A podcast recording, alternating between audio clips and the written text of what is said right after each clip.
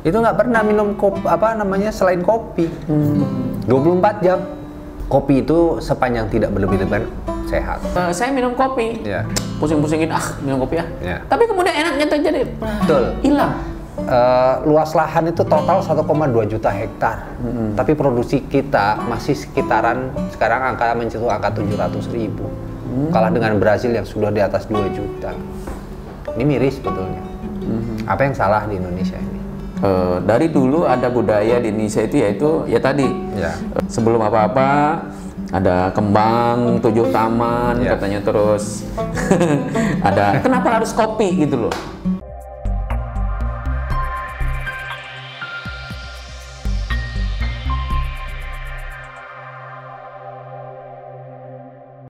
Sebelum lanjut nonton video ini, jangan lupa tekan tombol subscribe, nyalakan lonceng, like, dan share.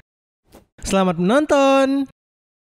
Oke, eh, seperti janji saya tadi, kita akan eh, tanyakan kepada beliau sebenarnya apa sih yang orang tidak tahu tentang kopi ini, Mas? Sebenarnya kan ada hal-hal yang selama ini salah Ya. tentang kopi. Apa itu, Mas? Yang salah itu konsumsi yang berlebih-lebihan. Itu. Itu contoh yang pernah aku ceritakan. Mm-mm. Ada Tadi yang seorang apa? artis itu Uh-uh. kayak Mbak Surip Ya, ya. 24 jam tuh kopi terus, Kopi terus. tanpa minum teh, air putih ataupun air lain. Kemudian ada seorang kawan juga di sahabat di uh, Depok, itu sama juga. Aku selama beberapa hampir dua minggu lebih ya bergaul sama yang bersangkutan, itu nggak pernah minum kop apa namanya selain kopi, 24 jam. Katanya ya memang saya su- sukanya yang begini katanya. Nggak pernah minum air putih, apalagi air-air lain, sirup kayak gitu ya, orange juice gitu nggak pernah gitu. Dan otomatis kalau namanya berlebihan Ya pas akan apa pun itu, mempengaruhi apa pun, itu yang itu. berlebihan udah pasti apalagi jelek. ini uh, kafeinnya tinggi. Kafein itu paling normal dikonsumsi oleh seseorang normal itu maksimal 500 mg. 500 mg. Kalau kalau ukuran kopi berapa? Tadi Ah. 16.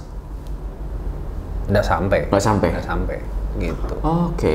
Gitu. Jadi uh, kopi itu sepanjang tidak berlebih-lebihan sehat, menyehatkan. Saya pernah eh, merasa pusing, Mas ya. Nah, pas.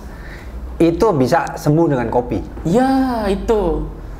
Saya tadinya takutnya gini, teman saya eh, hasil PCR-nya positif karena pernah ketemu dengan saya. Ya. Pernah ini saya jadi ikut-ikutan, belum jangan-jangan saya kena nih. Stres. Puyeng. Pusing. Sampai eh, tiga hari. Ya. Nah kemudian eh, saya minum kopi. Ya. Pusing-pusingin ah minum kopi ya. Ya. Tapi kemudian enaknya terjadi Betul. hilang. Jadi kopi itu untuk menyembuhkan sakit kepala bisa dikonsumsi paling tidak dua cangkir.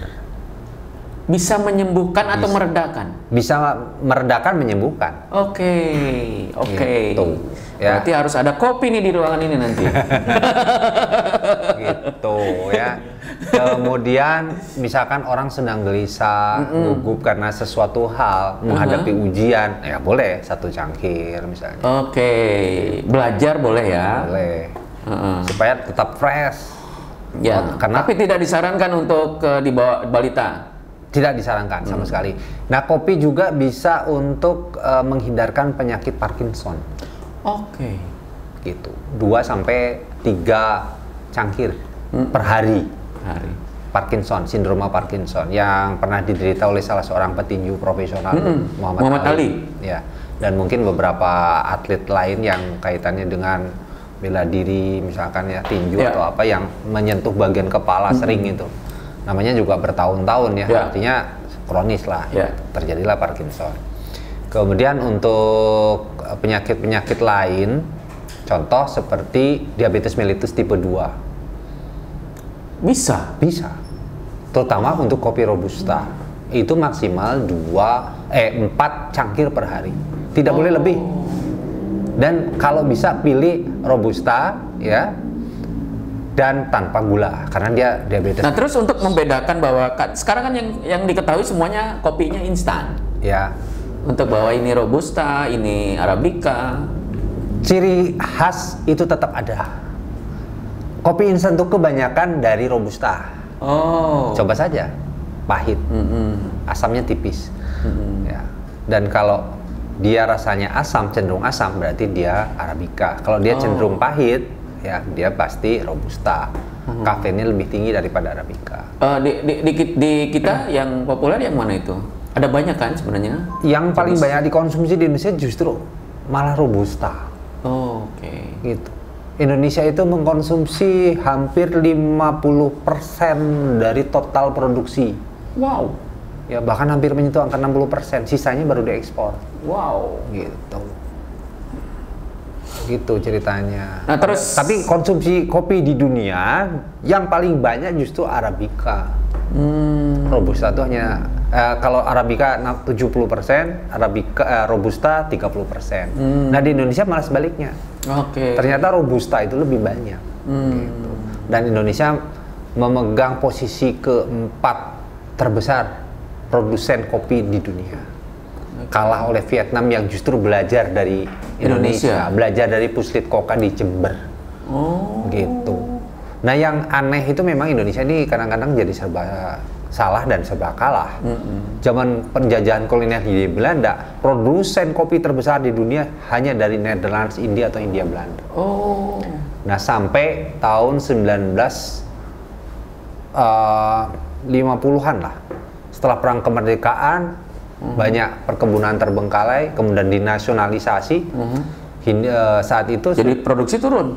terkalahkan oleh Brazil. Brazil. Oh. Disusul Kolombia. Vietnam waktu itu masih di bawah kita, tapi kemudian menyusul setelah belajar banyak dari Poslit Koka Jember, Jawa Timur. Iya, iya. Nah, kemudian eh, tapi anehnya luas lahan perkebunan kopi baik itu terutama milik rakyat 96% itu milik rakyat, sebagian milik swasta dan sebagian kecil itu milik BUMN seperti PTP ya, P- perkebunan. Eh, luas lahan itu total 1,2 juta hektar. Tapi produksi kita masih sekitaran sekarang angka menyentuh angka 700 ribu. Kalah dengan Brazil yang sudah di atas 2 juta. Ini miris sebetulnya. Apa yang salah di Indonesia ini? Tapi kalau dibanding negara lain, Indonesia tuh paling unik dan paling identik. Rasanya paling beragam dibanding kopi-kopi Oke. lain. Paling kaya karena Indonesia ada- namanya daerah yang disebut eh, negeri gunung berapi, ring of fire, cincin ap- berapi, gitu kan. Sehingga tanahnya subur, tanah yang sifatnya tanah apa? Iya, kata- pengaruh la- Nah, kata plus-plus juga tongkat aja jadi tanaman. Nah, itu berasal dari kata-kata orang Belanda. Hmm, sudah ada peribahasa itu. Sudah ada tahun 1800. Yang menceritakan tentang Iya. Indonesia. Ibaratnya tuh di kalau kita datang Indonesia, kita punya beli sebidang tasan- tanah satu hektar saja, tancapkan saja tongkat kayu situ, eh, tumbuh jadi tanaman. Ibaratnya seperti itu. Saking subur-suburnya. Termasuk tanah-tanah aluvial, tanah yang kena apa lava, kena lumpur ero, apa dari Erupsi gunung. erupsi gunung ataupun sungai yang meluap itu subur. Dan itu tidak ada di negeri lain. Brazil punya gunung berapi? Tidak ada. Ya, ya, ya, ya. gitu kan? Kolombia? Vietnam? Indonesia lebih banyak gunung berapi. Ya. ya mungkin nomor tiga di dunia setelah Rusia dan Amerika Serikat. Indonesia baru. Gitu. Nah, terus gini mas, tadi eh, saya udah ngomong nih masalah eh, dari dulu ada budaya di Indonesia itu yaitu ya tadi Ya. eh, budaya klinik gitu. ya Sebelum apa-apa ada kembang tujuh taman Ya. katanya terus ada kenapa harus kopi gitu loh? Ya, eh, itu asal mulanya dengan adanya tanaman kopi mulai dibudidayakan di Hindia Belanda. Karena saat itu kita masih dijajah Belanda. Itu kopi datang ke Indonesia kan 1696, ya. Sampai kemudian akhirnya rakyat mulai mengenal kopi dan tanah air kita sejak sa- 1706 itu menjadi eksportir kopi di luar negeri sehingga dikenalnya bukan ko- kopi dari Hindia Belanda atau kopi van Ja- eh, Netherlands Indi tetapi kopi Java Mhm. Java Ya, Coffee Java Coffee. sampai eh, pada menjelang Belanda hengkang dari Indonesia karena Jepang masuk 1942 itu masih terkenal Java Kopi. Nah, kaitannya tadi dengan dengan klinik tadi, Mas. Oh, dengan klinik yaitu sebetulnya tidak ada kaitan, tapi intinya orang yang masih menganut apa ya animisme, Animisme. dinamisme atau kepercayaan yang apa ya namanya antara Islam dengan agama lain gitu kan atau kejawen itu menganggap menyuguhi sesuatu yang tidak bisa dilihat oleh panca indera kita itu adalah suatu keharusan. Awalnya tidak pernah ada suguhan kopi atau teh atau mungkin rokok ya tembakau ya atau cerutu tidak ada. Adapun setelah mereka menyuguhkan itu karena adanya masuknya kopi tahun 1696 itu, kemudian masuknya teh 1826 dan masuknya tembakau 1850-an kalau tidak salah. Berarti eh, kopi dulu ya sebelum teh Kopi sama dulu. tembakau itu. Nah sebelum ada semua itu ya susuhan mungkin air putih biasa mungkin dengan bunga-bunga tujuh kem, istilahnya bunga Tujuh taman. tujuh taman gitu kan kemudian mungkin ada nasi tumpeng walaupun ukuran mini kecil ya. Kemudian ada makanan lain. Nah tapi dalam kepercayaan Islam da, keper, apa ya adat Jawa itu menganut kepada kepercayaan Islam bersumber kepada ajaran dari Sultan Agung. Hmm. Sultan Agung itu menciptakan nasi wuduk. Nasi wuduk wuduk itu asal kata dari wudhu wudhu untuk bersuci sebelum sholat. Nah, nasinya putih biasanya dengan tambahan santan. Santan tentu saja putih warnanya dan rempah-rempah tidak kuning. Dan dibuatlah nasi tumpeng dulu karena bentuk gunungan itu adalah mengacu kepada keesaan ketauhidan kepada Allah. Kemudian ada lauk pauk berupa ayam ingkung. Ingkung itu artinya ingkang jekungkung karena ayamnya dibentuk jekungkung seperti orang bersujud jadi kalau sudah so wudhu ingatlah sholat ingatlah sujud pada Allah. Dan kedekatan hamba Allah kepada Allah itu antara makhluk dan holiknya itu kepa- kepada saat sujud. Itu yang paling dekat pada Allah itu ketika kita sujud. Ya, fil- filosofinya juga. filosofinya begitu. Eh, balik balik lagi ke eh, kopi tadi. Sebenarnya kan eh, ada banyak yang literatur yang mengatakan bahwa kopi itu eh, sebenarnya bisa lebih nikmat justru katanya tidak panas, benar nggak? Eh, selera orang banyak- beda-beda. Ada yang Tergantung seleranya orang, berarti. tapi biasanya hangat-hangat kuku lah. Artinya tidak sudah tidak suhu di atas 80 derajat kan. Kita minum pelan-pelan diseruput. Satu, dua, tiga, empat sesapan Di lah. seruput, Diseruput, disesap atau Bukan diteguk. diselurup ya. bukan diteguk. Bukan diteguk.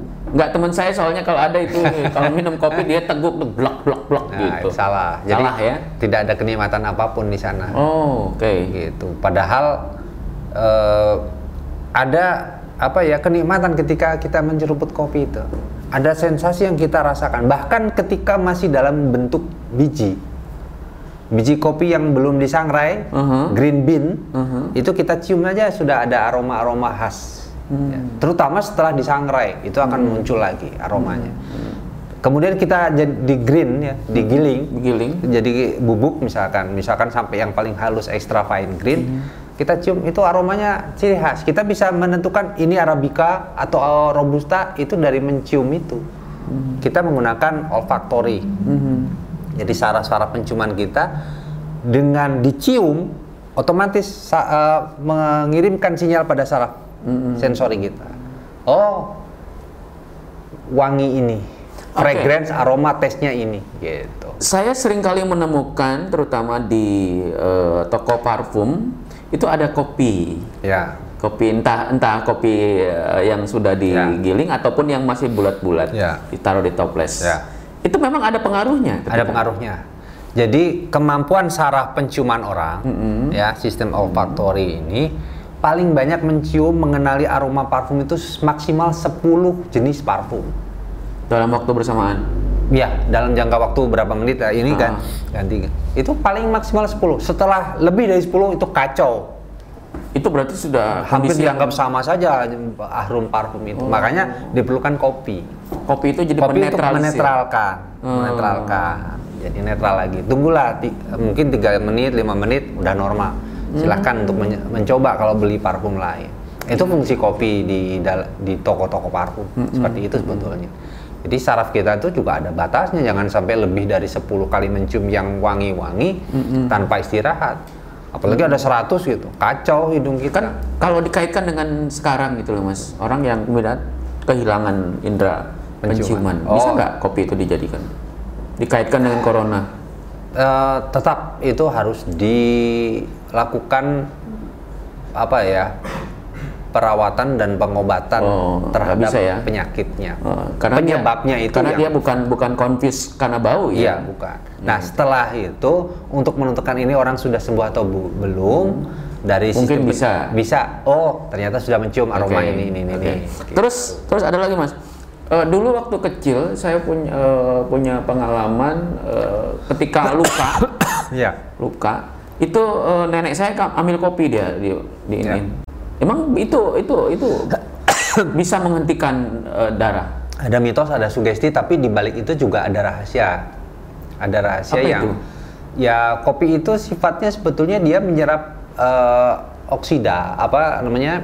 oksidasi. Jadi dia menyerap kotoran-kotoran yang ada di situ dan menutup luka supaya tidak terkontaminasi. Sebetulnya fungsinya lebih kepada eh, Menutup luka tadi. menutup luka. Jadi apa ya istilahnya bahasa kedokterannya jadi untuk menutup luka saja. Tapi emang eh, darahnya nggak nggak ngucur lagi berhenti memang Iya, waktu itu. betul. Karena itu tadi kan sudah diserap duluan oleh kopi itu. Oh, Kopi itu kan porus, ya porus artinya dia bisa menyerap air, kemudian aroma-aroma yang iya, berada di iya. sekitarnya, termasuk itu seperti darah tadi. Ya artinya darah itu kemudian menempel pada kopi, jadi porus kan. Hmm. Kayak pasir itu kalau kita ada pasir misalkan uh, satu liter ya atau Hmm. satu kilo, kita jatuhkan uh, air ke de- satu gelas itu meresap, nah Ya, porus ya, ya. seperti itu. Oke. Kopi seperti itu. Termasuk bau. Nah makanya kopi tidak boleh dimasukkan ke dalam kulkas karena dalam kulkas itu kan banyak makanan tuh Iya. dari mulai daging, ikan, tahu, tempe, Tapi sayuran. kabarnya eh, betul ya berarti kan kalau misalkan ada bau yang tadi di Iya. kulkas Nah. Itu bisa hilang karena ada kopi di situ. betul karena Oh. diserap oleh kopi gitu. Hmm. Kopi itu banyak manfaatnya. Tapi, Tapi dia harus harus masih kering ya, belum masih sisa. kering, masih kering. Hmm. Nah kalau sudah eh, pernah diminum ya kita keringkan saja, kita coba saja. Hmm. Masih mampu nggak dia menyerap gitu. Tapi kalau ada yang, nah ini ini ini ini Iya. yang sering saya lihat ini mas, Iya. kebetulan ini. Orang ada orang yang merokok, Ya. kemudian ampas-ampas kopi itu dia masukin ke Oh, rokoknya. iya. itu apa itu sebenarnya? Itu kan istilahnya rokok batik, Nggak tahu saya. rokok batik. Saya bukan perokok soalnya. Jadi memang di situ ada kenikmatan lebih lagi katanya. Karena tembakau kan punya nikotin. Hmm. Ya, asa- eh, itu sebetulnya yang dihirup oleh orang itu kan nikotin. Nikotin, Tapi oke. ketika diolesi dengan kopi sampai kemudian kering, dibiarkan misalkan dijemur gitu kan, diangin-angin eh, si sisa-sisa nikot apa kafein yang ada da- pada kopi itu juga meresap di eh, tembakau. Ada, Ada sendiri, ada senya- sensasi. persenyawaan di situ. ada sensasi, sensasi, lain. ada sensasi lain. Nanti saya tanyain yang suka ngerokok ini harusnya tahu kenapa Di dia suka- batik istilahnya di batik. suka ngolesin itu kan kalau ini Ya. Menurut ada saya yang digambar wayang, digambar motif menurut batik. saya kurang kerjaan karena kopinya udah habis kali dia minta Ya. gitu loh. Kode itu buat orang dapur kalau dari ini. Ada diolesi begitu saja, tipis-tipis gitu. Ada yang sampai ke serbuknya ikut, macam-macam. Gitu. Memang ada ada manfaatnya buat buat menambah apa ya sensasi rasa. Sensasi rasa, Karena ya. ya nggak tahu ya orang yang merokok yang lebih hafal. Tapi betul ya maksudnya berarti kalau eh, kop- kalau kamu ingin ingin apa melek Ya. itu minum kopi. betul, Betul ya? betul, Heeh. betul. Kemudian eh, kalau kamu ingin seger juga, terutama misalkan jam-jam tertentu, Ya. minum kopi. Betul. Cuman kopi sekali lagi tidak boleh berlebihan karena ada efek samping. Kalau efek sampingnya apa? Nausea, ya rasa mual, kemudian vomiting, muntah. Oke. Nah, kemudian ini ada heartbeat eh, apa? Heartbeat jadi denyut jantung Berdebar-debar. Gitu. Atau suka disebut dikardia. Itu hati-hati. Kalau terlalu berlebihan. Dan efek sampingnya itu menimbulkan namanya kafeinisme Apa itu? edik jadi keracunan, Keracun- apa kecanduan Kecanduan. Kecanduan. makanya suka kaki itu kayak Dursosono Iya, iya, iya, iya, kayak yang tremor Heeh, tremor Betul. betul. edek lumun di orang masuk kaki gituan. gitu Hmm. dan kadang-kadang nanti menimbulkan apa ya kekacauan gerak fungsi gerak jadi Gitu. kita tidak kontrol gitu Oke. tiba-tiba plak Oh. ada orang di dekatnya ya kena tampar lah kena pukul gitu refleks Ya, yang ya, ya. tidak terkontrol bukan refleks jadi ada suatu pergerakan yang tidak terkontrol oleh otak kita karena kelebihan kafein dalam tubuh seperti itu jadi segala sesuatu yang berlebihan memang tidak tidak boleh dalam Islam juga. Sebentar lagi puasa nih mas. ya Puasa nih, sebenarnya eh, baiknya kopi itu eh, dikurangi atau ditambah? sebaiknya dikurangi Sebaiknya dikurangi. apalagi bagi mereka yang memang punya eh, riwayat penyakit mah. Tapi dengan puasa orang cenderung sembuh mahnya, Iya iya iya. cenderung sembuh. Ya ada banyak. Ada Dan itu banyak. percayalah karena itu mujizat dari Allah ya. Melalui puasa kamu akan sehat. Betul sehat. Orang yang mah seperti apa parah pun yang penting dengan keyakinan, hak yakin, hakul yakin, insya Allah sembuh. Tapi kalau katanya alasan saya kalau ini suka muntah, suka berdarah, bohong. Itu hanya karena dia tidak niat saja. Ya. Ada yang selama umur, seumur hidupnya tidak pernah puasa dengan alasan seperti itu. Padahal Allah, Allah itu maha mengetahui apa yang justru manusia tidak pikirkan. gitu. Oke. Kopi boleh dikurangi pada bulan puasa. Ya diminum jangan saat buka puasa lah. Iya. Lebih baik setelah Hmm, apa namanya? Setelah berbuka, setelah, berbuka, sholat setelah tarawih. sholat tarawih, Ya, sebelum tidur nggak apa-apa gitu. Kalau aku mau mau sedikit mau banyak kopi, Hmm. kata orang kok minum tadi minum kopi sekarang minum kopi, Hmm. nanti nggak bisa tidur. Kalau mau tidur tidur aja aku mah, Hmm. karena aku bisa ngontrol batas toleransi kopi yang aku minum, berapa kafein yang aku eh, masukkan gitu. Ya. Teman saya bahkan dia kalau minum kopi mata kanannya sakit, Mas. Kenapa itu? Sendoknya nggak dilepasin dia sini. Salah dia itu. Ya, gitu ya. Nyoblos itu. Mas Aid terima kasih Ya. Eh, untuk kesekian kalinya nanti berarti kita ngobrolin masalah yang lain lagi karena Siap. eh, Anda kan eh, peneliti itu banyak hal gitu. Sampai kita ngob belum ngobrolin klinik nih masalahnya. Klinik. nanti bulan puasa mungkin kita Tapi ngomongin soal biasanya bulan puasa itu tayangan horor mistis pun nggak boleh Nggak boleh. nggak boleh Apalagi ya, klinik. tapi kita kan bisa simpan mas tenang aja selama Mas Said masih sehat Amin. kita doakan mudah-mudahan eh, kita masih eh, apa share ilmu Amin. buat eh, Siap. apa audiens kita sekali lagi terima kasih Sama-sama. Eh, saya merasa terhormat untuk kesekian kalinya Mas Said masih mau saya undang Siap. mau datang Aku juga merasa terhormat udah diundang. Makasih sekali. Sama-sama. Ternyata eh, teman-teman eh, ada dalam keadaan tertentu kopi ini sangat bermanfaat. Tetapi apa pun bentuknya, sesuatu yang berlebihan itu itu tidak baik. Iya. Jadi eh, kopi memang pahit, tetapi kalau kita bisa meraciknya dengan baik, kopi itu nikmat. Iya. Terima kasih. Kita ketemu lagi di episode yang akan datang. Saya Nur Dili. Wassalamualaikum warahmatullahi wabarakatuh. Waalaikumsalam warahmatullahi wabarakatuh.